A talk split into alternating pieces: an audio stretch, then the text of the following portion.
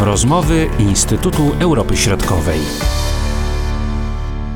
Była premier Mołdawii, Maja Sandu, wygrała pierwszą turę wyborów prezydenckich w tym państwie. Drugie miejsce zajął prezydent Igor Dodon.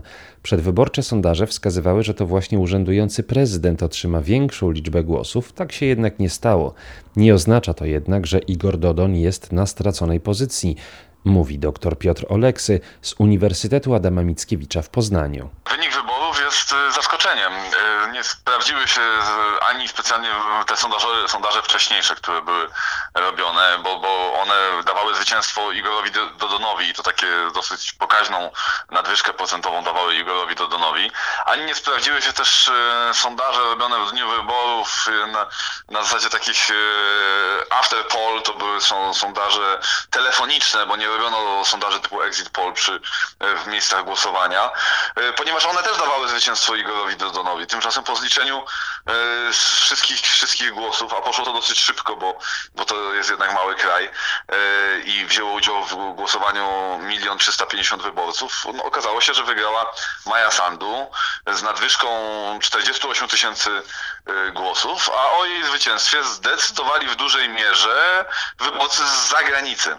Z zagranicą w wyborach wzięło udział 150 tysięcy Mołdawian, z czego około 70% zagłosowało na Maję Sandu. Ta liczna, duża frekwencja na wyborach zagranicznych jest w kontraście z niską z frekwencją ogólną, ponieważ frekwencja ogólna była 41%, to jest prawie 10% mniej niż w wyborach prezydenckich 10 y, lat, 10 lat temu. Mhm, czy to kwestia pandemii, jeśli chodzi o tę niską frekwencję, czy pewnego rodzaju zmęczenie y, jednak tą sytuacją polityczną w kraju? Raczej ten, ten drugi wariant tutaj dało czyli, czyli zmęczenie sytuacją polityczną, przedłużającym się kryzysem politycznym, już w zasadzie trwającym od, od kilku lat tak naprawdę, rozczarowaniem klasą polityczną. Również sam fakt, że e, w tych wyborach brali udział tak naprawdę no, Igor Dodon i Maja Sandu, ci sami kandydaci co cztery lata temu, ci sami, te same postaci, wokół których toczy się polityczna rozgrywka też w ostatnich mm, kilkunastu miesiącach. E, no faktycznie liderzy dwóch, dwóch skrzydeł, dwóch stron e, sceny politycznej. Mogła na to wszystko mieć wpływ e, kampania wyborcza, która była dosyć nudna, niemrawa, wydawała się taka, taką, takim odgrzewaniem kotletów troszeczkę. A jeśli chodzi o wyborców Maisandu, to myślę, że wielu z nich nie wierzyło w zwycięstwo i też y, dlatego nie, nie, nie poszli y, głosować. Jest wysoce prawdopodobne, że to zwycięstwo w pierwszej turze dodatkowo ich zmobilizuje, że jeszcze bardziej zmobilizuje, zmobilizuje też Mołdawian mieszkających za granicą, bo tutaj no, na przykład we Włoszech y, do urn poszło aż 40 tysięcy osób, podczas gdy, gdy w Rosji tylko 5 tysięcy, a tam również liczba Mołdawian mieszkających jest bardzo duża. Czy te wyniki wyborów świadczą o tym, że jest to oczywiście w pewnym uproszczeniu wybór między wschodem a zachodem. Oczywiście można tak to postrzegać. Ja jednak zachęcam, e, żebyśmy spróbowali odejść od e, tego typu e, rozumowania.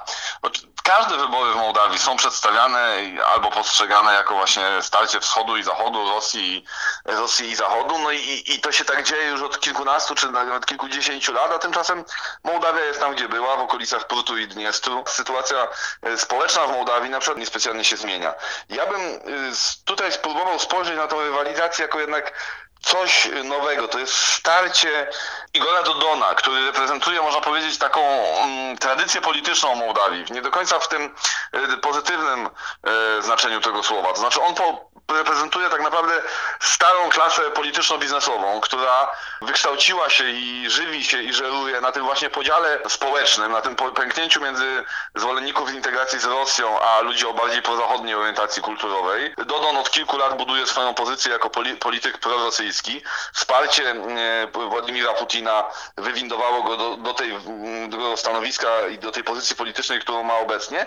Tymczasem ja pamiętam, że on w latach gdzieś tak 2011 próbował tworzyć proeuropejską socjaldemokrację, partię lewicową proeuropejską, prawda? Więc gdyby trochę inaczej się to wszystko potoczyło, to Dodon wcale nie byłby politykiem prorosyjskim. Maja Sandu jest tu natomiast czymś y, nowym, y, nowym zjawiskiem. I to nie chodzi mi o to, że ona pojawiła się teraz zupełnie nie wiadomo skąd, ponieważ ona też jest przecież w tej y, polityce mołdawskiej obecna przynajmniej od 2012 roku, kiedy została ministrem edukacji. Ale Sandu wyszła w ostatnich miesiącach po tym czasie, kiedy była premierem, wyszła ze schematów mołdawskiej polityki.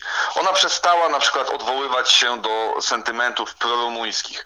Może, być może zrozumiała, że taka narracja tak naprawdę dzieli społeczeństwo. Być może podpowiedzieli jej to PR-owcy, nie wiem. Odeszła ona już też dosyć dawno od takiej jednoznacznej prozachodniej narracji. Ona nie, nie obiecuje szybkiej drogi do Unii, e, do Unii Europejskiej.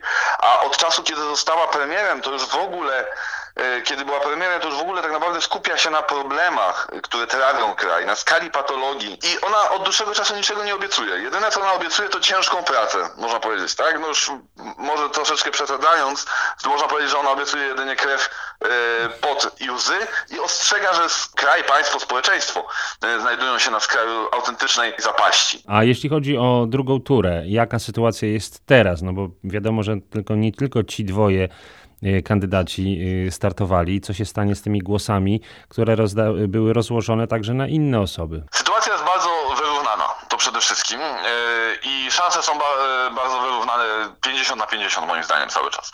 Maję Sandu na pewno poprą zwolennicy czterech pozostałych kandydatów takich e, prozachodnich bądź prorumuńskich, łącznie gdzieś około 6% e, wyborców, ale Maja Sandu na ich, na ich wsparcie może liczyć. Igor Dodon może liczyć prawdopodobnie na wsparcie pani Iwanowej, która była kandydatką partii SHORE, to jest elektorat bardzo społeczny, taki socjalny. Największą zagadką i takim największym tutaj znakiem zapytania, najciekawszym zarazem elementem są wyborcy Renato Usatego. Usaty uzyskał prawie 17% mm, głosów. To jest wynik, którego również sondaże nie pokazywały, bo przed wyborami się spodziewaliśmy, że powiedzmy 10-12% to jest maksymalnie to, to, co on może uzyskać. Yy, wynik 17% jest faktycznie rewelacyjny. Usaty był kiedyś politykiem prorosyjskim i on dalej odwołuje się do elektoratu głównie rosyjskojęzycznego albo takiego, któremu kulturowo jest bliżej do Rosji, ale on odrzucił geopolitykę, kwestię jakby tam wyboru Rosji a Zachodu i mówi też znów o problemach społecznych i przede wszystkim o walce z korupcją.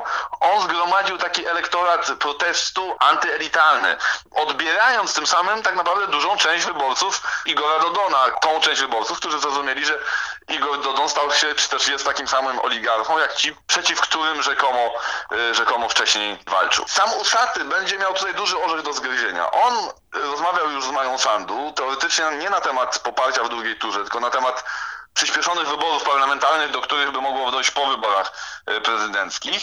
Jego głównym celem Usatego jest konsolidacja elektoratu przed tymi wyborami parlamentarnymi, bo on chce wejść do parlamentu jako wyraźnie, wyraźna trzecia, trzecia siła i w tym, w tym momencie ma, ma na to szansę. A jeśli chodzi o grupę tych, którzy są niezdecydowani, tutaj można coś to, przewidywać? To jest ogromna część społeczeństwa deklaruje się jako, jako, jako niezdecydowanych. No, yy, oni bądź nie pójdą głosować, bądź część z nich pójdzie yy, głosować na Maję Sandu, wierząc w to, że to może przynieść jakąś zmianę.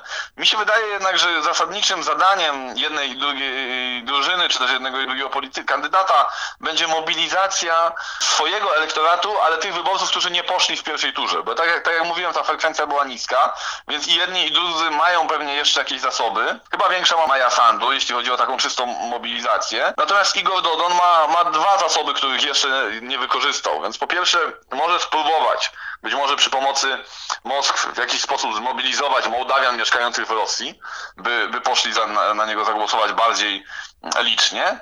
No i jest teraz kwestia rozpalająca najbardziej teraz emocje, czyli kwestia wyborców z Naddniestrza. Y, spodziewano się, że wyborcy z Naddniestrza opłaceni i przywiezieni autobusami do punktów wyborczych, że oni przyjadą i, i, i poprą Dodona. W pierwszej turze było, byli, ale było ich niewielu. Pytanie, czy Dodon ma możliwości sięgnąć po ten e, argument, sięgnąć po ten atut w drugiej turze. I drugie pytanie, jeśli to zrobi, to jaka będzie reakcja opozycji? Ponieważ już, już teraz weterani wojny naddniestrzańskiej i zwolennicy grupowań prawicowych zapowiadają, że będą blokować drogi, tak żeby ci bocy z Naddniestrza nie mogli dojechać. Pytanie, czy na tym tle nie dojdzie do jakiegoś eskalacji napięcia, powiedzmy, społecznego.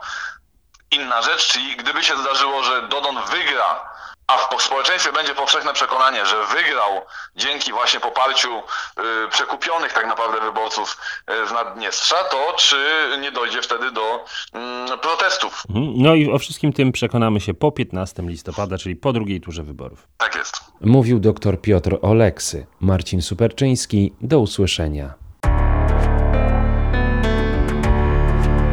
Były to rozmowy Instytutu Europy Środkowej.